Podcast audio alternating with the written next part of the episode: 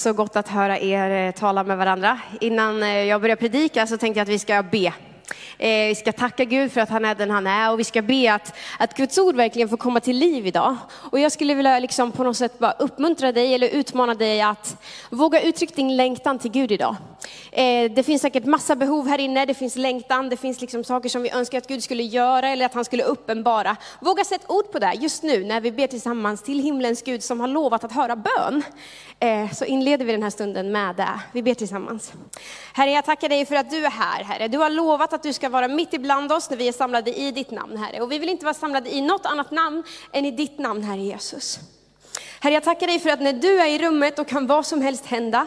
Jag tackar dig för att du är kungars kung och herrars herre. Du är allsmäktig, du är allvetande, du kan göra precis vad som helst, Herre Jesus. Och Gud, nu ser du vilka behov som finns här inne idag, vad, vad som finns i varje hjärta, Herre Jesus, vad vi bär med oss, Herre. Och Gud, jag tackar dig för att du Ja, men Gud, jag ber att du verkligen skulle kliva in i situationer idag, Herre Jesus, så att du skulle uppenbara vem du är, Herre Jesus, så att du skulle uppenbara liksom dina perspektiv, dina lösningar, dina metoder, Herre Jesus, på det vi står i, Herre Jesus. Jag ber att vi skulle få uppleva uppmuntran idag, Herre Jesus, att vi skulle få ny kraft, ny kärlek, att du bara skulle utgjuta ännu mer av dig själv över var och en, Herre Jesus. Jag tackar dig för att du, helige Ande, är här, Herre, och jag ber att du, helige Ande, skulle fylla på idag, att du skulle komma med mer av allt det goda du är, Herre Jesus. Gud, jag ber att om det finns saker som ligger i vägen i våra liv, Herre, så peka på de sakerna, så att vi kan rensa ut det där som är i vägen för att du ska få göra ditt verk i oss, Herre Jesus. Vi ber så i Jesu namn. Amen. Amen. Det var ju jättelänge sedan jag predikade en söndag i församlingen. Det var typ början på mars. Eh, så kan det bli ibland när man inte riktigt får ihop eh, sitt liv så att säga. Eh, men jag är jätteglad att få predika idag och jag, jag tror att Gud har lagt ett ord på mitt hjärta. Jag har verkligen vändit och vridit och funderat och bett. Eh, och eh, det här bibelordet som Hiba läste i början, först trodde jag att jag skulle predika om det. Eh, fram till igår. och sen så styr Gud om, men det hänger ihop med det Hiba sa. Eh, och jag kommer ta med er till några verser i andra Timoteusbrevet. Och eh, det här brevet är skrivet till Timoteus av Paulus. Timoteus var en av dem som Paulus liksom tog till sig och tränade till att bli ledare. Och när det här brevet skrivs så befinner sig Timoteus då i Efesos. Han är en av ledarna i församlingen där och Paulus skriver det här brevet ifrån Rom där han sitter fängslad för sin tros skull. Det är förmodligen skrivet i slutet av, eh, på slutet av 60-talet. Och det här var i en tid när kejsar Nero var kejsare i Rom. Och han är känd som en av de mest blodtörstiga kejsarna som någonsin har funnits. Han var en av dem som verkligen drev på förföljelsen av de kristna. Eh, och det var eh, han avrättade mest människor någonsin typ under alla människor som var, under alla år som det fanns en kejsare i Rom. Eh, och väldigt, väldigt många kristna dog under hans tid. Det var inte en lätt tid att vara kristen i den tiden när det här brevet är skrivet. Och det var förmodligen inte lätt att vara ledare i en församling heller. Men då skriver Paulus några fantastiska ord till Timoteus av tro, av uppmuntran, som jag vill läsa till er idag. För jag vet inte vad du känner, men jag kan också känna ibland att jag tycker inte att det är så lätt alla gånger att vara kristen. Jag tycker inte det. Vi upplever inte förföljelse liksom rent fysiskt, men vi ifrågasätts, vi kritiseras, vi hånas eh, för vad vi står för. Vi anklagas för att vara intoleranta eh, och sådär. Och det är inte sant. Det är inte sant. Eh, men på samma sätt som det inte var lätt då, så är det inte lätt nu. Men så kan vi få läsa de här orden som jag tror Gud vill, ta, vill ska få tala in i våra liv idag. Vi läser tillsammans i andra Timoteusbrevet, det första kapitlet, vers 6 och 7. Då skriver Paulus så här. Därför påminner jag dig, låt Guds nådegåva flamma upp igen. Den som finns i dig genom min handpåläggning. Gud har inte gett oss modlöshetens ande, utan kraftens, kärlekens och självbehärskningens ande. Vi läser det en gång till. Därför påminner jag dig, låt Guds nådegåva flamma upp igen, den som finns i dig genom min handpåläggning. Gud har inte gett oss modlöshetens ande, utan kraftens, kärlekens och självbehärskningens ande.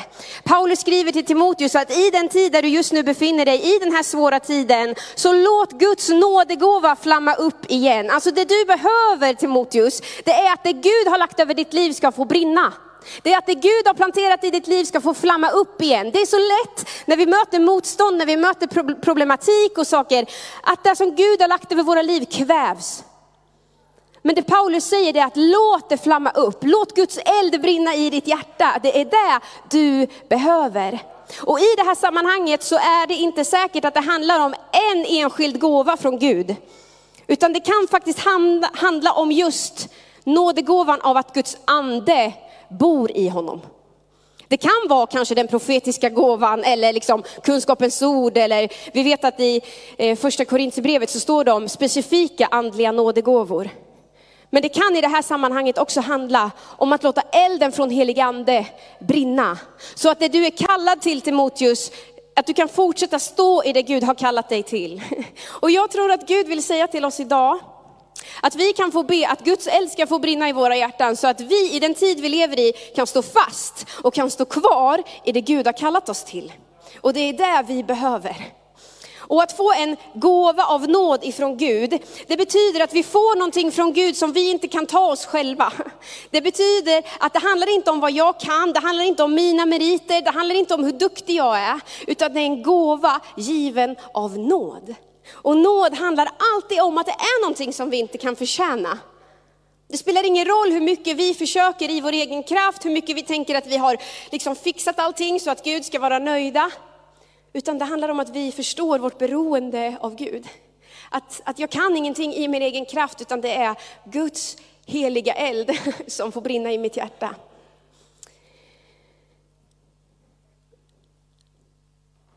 Och jag tror att det finns allt för många kristna idag, där saker och ting har skett som gör att det brinner inte längre. Och där Gud vill andas med sin ande så att saker ska få flamma upp. Så att det ska få börja brinna på nytt igen. Där det inte behöver handla om vad vi kan i vår egen kraft. Där det inte handlar om mina egna meriter och min egen duktighet, utan där det handlar om vem Gud är och vad han kan göra i våra liv. För vi ska brinna för Gud. Vi ska brinna för Gud med en eld som han har tänt i våra hjärtan. Och då kan man ju fundera på vad är det som krävs för att någonting ska flamma upp? Alltså för att något ska börja brinna igen. Och antingen så är det ju så att virket är slut, alltså det som brinner är slut. Eller så är det någonting som hindrar elden från att brinna. Och kanske är det så att virket, det som kan brinna, är slut i våra liv ibland. När vi fastnar i min egen förmåga, när vi försöker lösa allting i vår egen kraft, när vi tänker att jo men om jag bara fixar det här eller löser det där eller då, då kommer Guds eld brinna. Det handlar inte om det. Det handlar aldrig om vad du och jag ska fixa eller vad du och jag kan göra, utan det handlar om vad Jesus redan har fixat.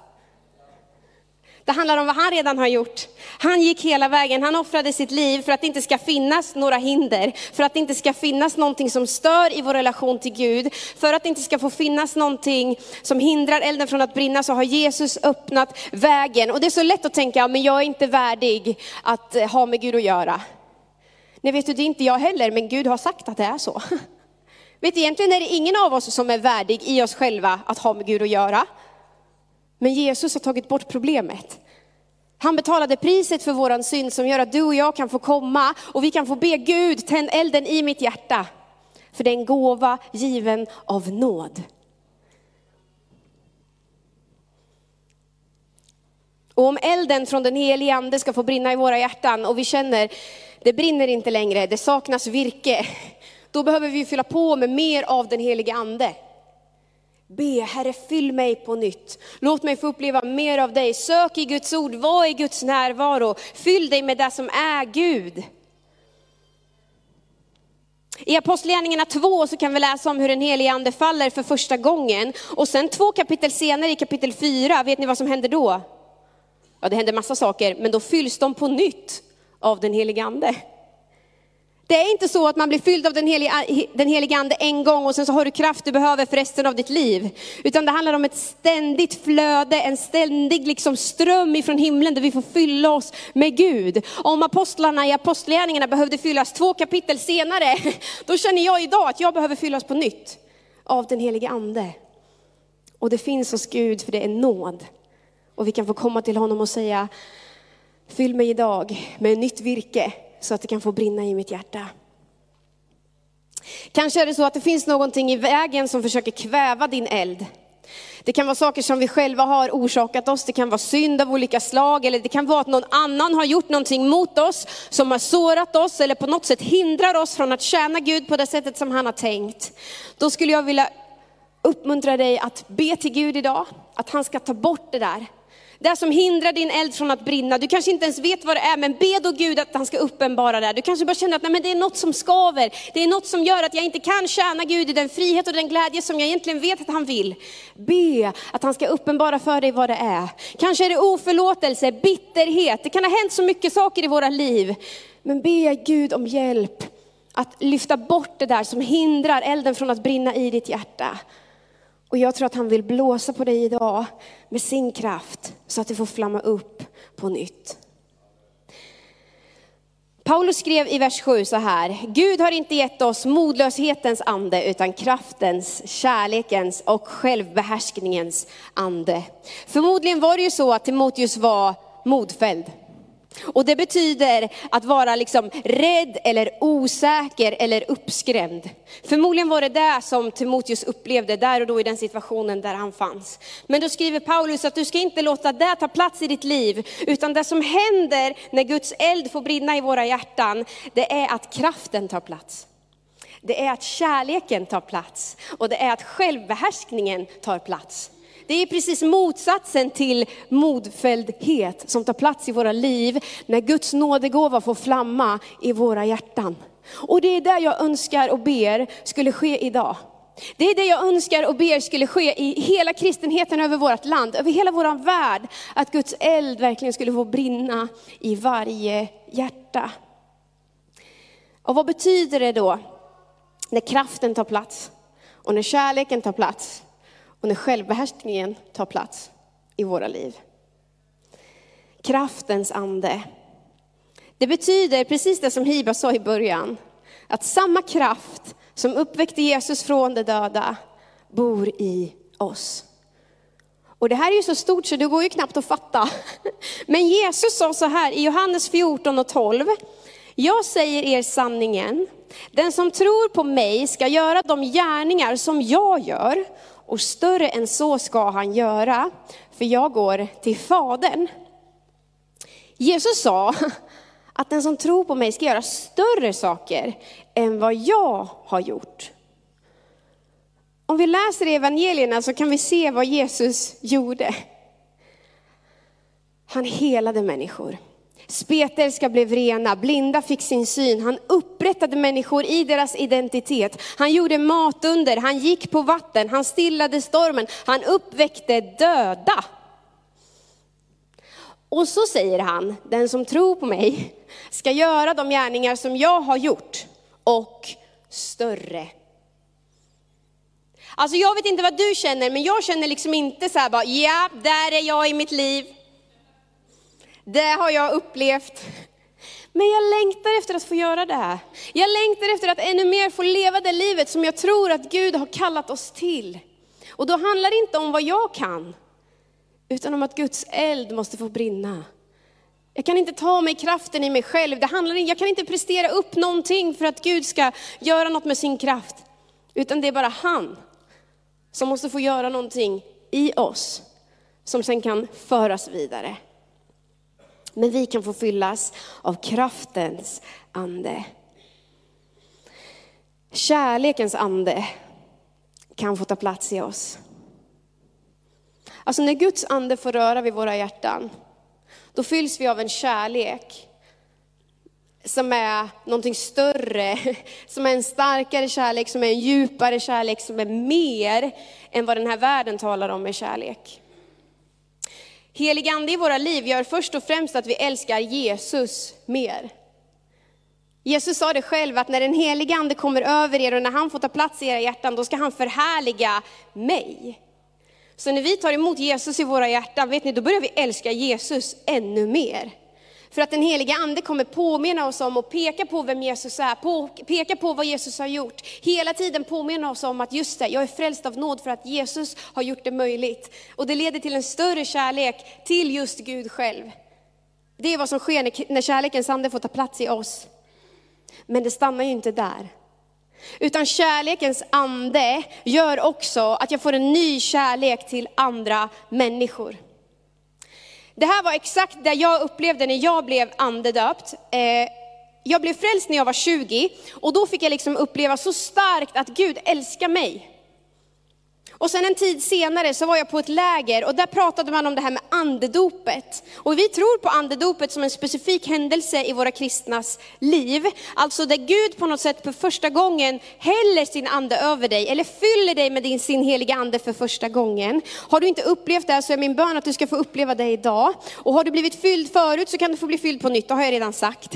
Men då var jag på det här lägret och där talade man om just det här att få bli döpt, doppad i den helige ande. Och jag kände att det där vill jag uppleva. Och, och, och så kom jag ihåg att vi bad. Och de, de sa att ett tecken på att man blir döpt i den helige ande, det kan vara att börja tala i tungor. Det gjorde inte jag.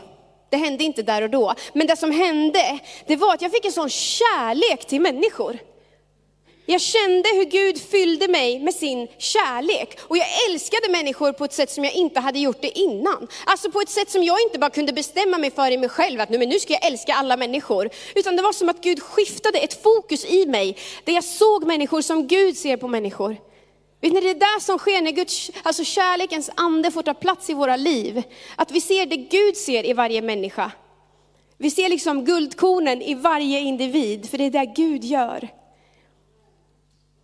Och sen så fick jag börja tala i tungor lite senare och det tror jag också att alla kristna kan få göra. Eh, men, men det är en annan predikan, det får vi ta en annan gång. Men Guds ande, kärlekens ande fyller oss med kärlek. En kärlek som är större än vad vi liksom kan förklara i oss själva. Och jag tror att det är kärleken som kommer kunna förvandla den här världen.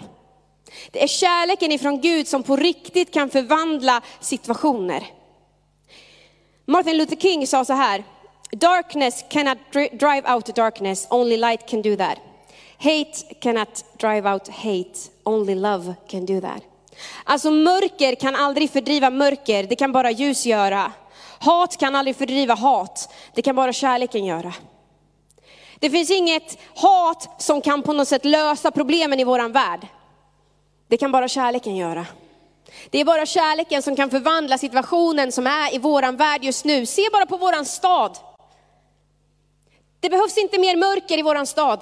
Det finns inget mörker som kan fördriva det mörker som just nu råder i våran stad. Men det finns ett ljus. Och det finns en kärlek ifrån Gud som på riktigt kan förvandla människors liv. Och den kärleken kan få brinna i våra hjärtan. Det finns tre ord för kärlek i, i grekiskan som Nya Testamentet är skrivet på. Och ordet som här används det är agape. Det handlar om den utgivande kärleken, den osjälviska kärleken, kärleken som aldrig kräver någonting tillbaka. Med den kärleken som Gud har älskat oss. Och så skriver Paulus att det är den kärleken som tar plats i oss när Guds eld får brinna. Den osjälviska, den utgivande och den kärleken som aldrig kräver någonting tillbaka. Jag vill ha mer av den. Jag vill ha mer av den. Och det sker när Guds eld får brinna i oss.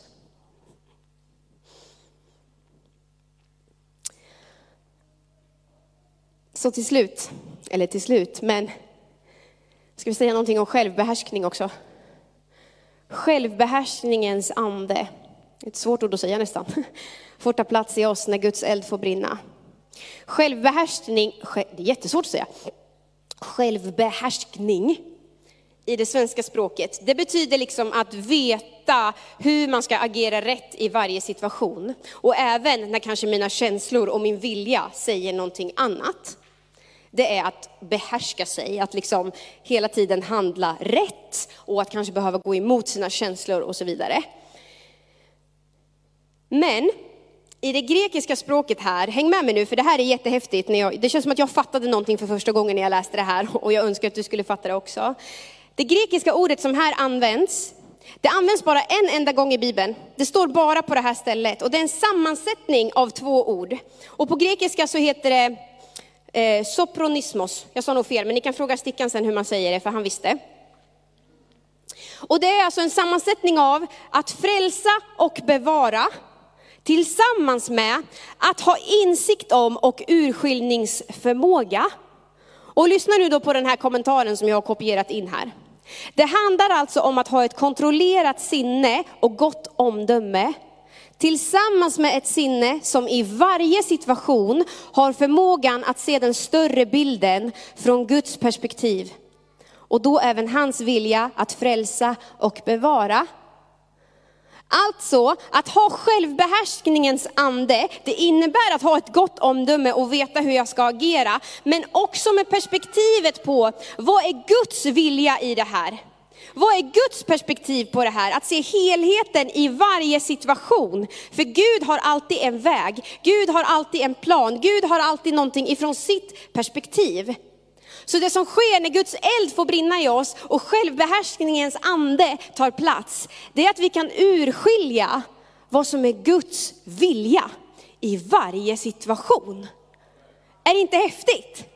Att vi kan få veta, okej okay, hur ser Gud på det här? Vad är det Gud ser? Vad är det Gud har tänkt? Vad är hans plan? Vad är hans vilja? Vad är hans väg för varje situation? Alltså jag tycker det här är häftigt. Gud, Gud, Gud, Gud, han har gett oss sin ande, inte för att saker och ting ska bli otydliga och flummiga. Tvärtom. Gud har gett oss av sin helige ande för att vi ska veta vad han vill.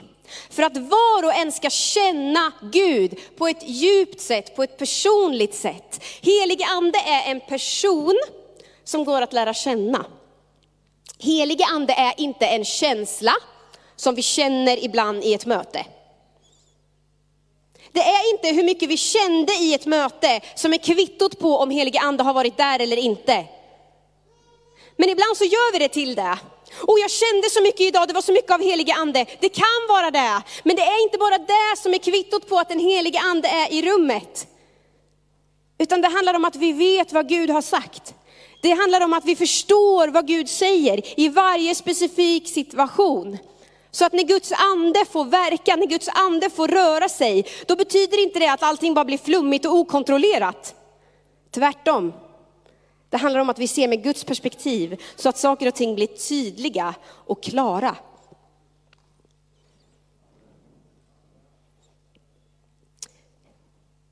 En av de löften eller tecken som Bibeln talar om ska ske när Guds ande faller över alla människor. Det står det om i Joels bok i Gamla Testamentet. Och det står så här i Joel 2, 28-29. Och det ska ske därefter att jag utgjuter min ande över allt kött. Era söner och era döttrar ska profetera, och era gamla ska ha drömmar och era unga ska se syner. Jag över tjänare och tjänarinnor ska jag i de dagarna utgjuta av min ande. Här står det att Guds ande ska komma över alla människor, över män och kvinnor, unga och gamla. Och vad ska tecknet vara på att den helige ande har kommit? Jo, de ska se syner, de ska drömma drömmar och de ska profetera. Och vad betyder det kan man ju då fundera på. Alla de här tre orden, det handlar om att på något sätt få höra någonting ifrån Gud, se någonting ifrån Gud, att få Guds perspektiv på olika situationer och händelser. Återigen, det är det som sker när Guds ande får ta plats.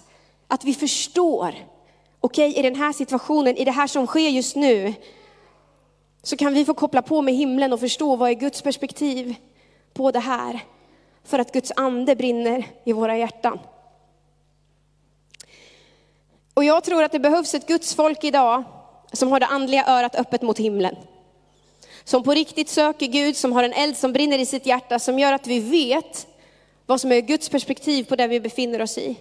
På det som sker i våra privata liv, och på det som sker i församlingen, på det som sker i Sverige, på det som sker i världen. Vi behöver få Guds perspektiv på det vi står i. Precis så som Timoteus behövde i den tiden där han fanns. Så behöver vi det idag. Jag känner det, jag behöver det idag. Att få se med rätt perspektiv. Och att med Guds andes hjälp få kunna urskilja. Gud, vad är det du säger här? Så att saker och ting blir tydligt och klart, inte flummigt och okontrollerat. Och jag kan känna så här ibland, vart är, vart är våra unga som ser syner? Vart är våra gamla som drömmer drömmar? Vet ni, jag längtar efter det. Och nu blir jag så här blödig igen, men jag längtar efter det. Jag längtar efter att få se unga människor kliva fram och säga, vet ni, jag tror Gud har visat mig någonting. Jag längtar efter att få se gamla människor säga, Gud har visat mig någonting i en dröm. Och vet ni, då är det så att vi kan tillsammans, för att Guds ande bor i varje hjärta, få förstå, okej okay, vad är det Gud säger? Vad är det Gud vill säga i den här tiden? Vad är det Gud kallar oss att göra just nu? Vad är Guds perspektiv på det vi står i? Det är det som sker när Guds eld får brinna i oss.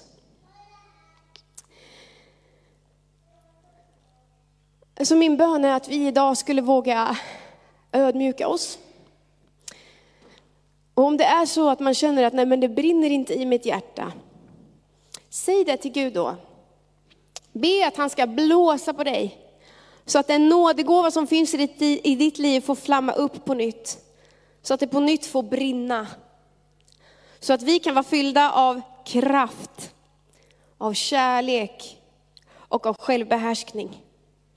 För att kunna leva och stå i det Gud har kallat oss till för just den här tiden.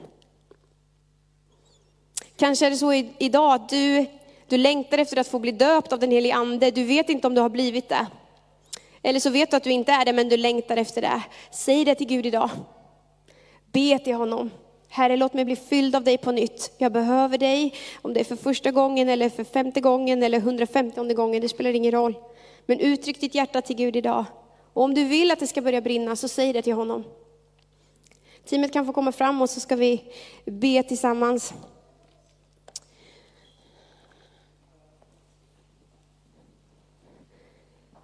Heligande. Heligande. Jag tackar dig för att du är här. Herre, du har lovat att du ska utgjuta din ande över allt kött. Över män och kvinnor, över unga och gamla, Herre. Och Herre, jag tackar dig för det du har lagt i våra liv. Jag tackar dig för att du har utgjutit din ande i varje hjärta som tror på dig, Herre. Herre, jag ber att den här dagen så skulle du få blåsa på nytt. Jag ber att saker skulle få flamma upp. Jag ber att din eld skulle få tändas i våra hjärtan på nytt, Herre Jesus. För att vi ska vara fyllda med kraft, för att vi ska kunna vara fyllda med kärlek, för att vi ska kunna vara fyllda med självbehärskning, för att vi ska kunna se det du vill att vi ska se, för att vi ska kunna ha dina perspektiv på varje situation, för att vi ska kunna vara och leva där du har tänkt att vi ska vara och leva, Herre Jesus. Herre, jag tackar dig för att du inte har tagit den heliga Ande ifrån oss. Men jag ber att du skulle fylla oss på nytt den här dagen, Herre. Låt oss uppleva mer av din heliga Andes kraft. Och att du idag skulle få göra ditt verk till 100% i oss, Herre. Vi ber så i Jesu namn. Amen.